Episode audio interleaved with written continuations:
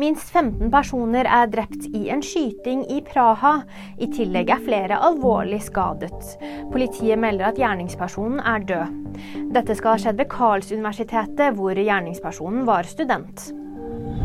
Stormen Pia herjer. Uværet har for alvor truffet Vest-Norge med full styrke. Flere flyselskaper har sett seg nødt til å kansellere avganger. Hvis en ikke absolutt må ut på veien, så bør en kanskje vurdere sterkt å holde seg hjemme.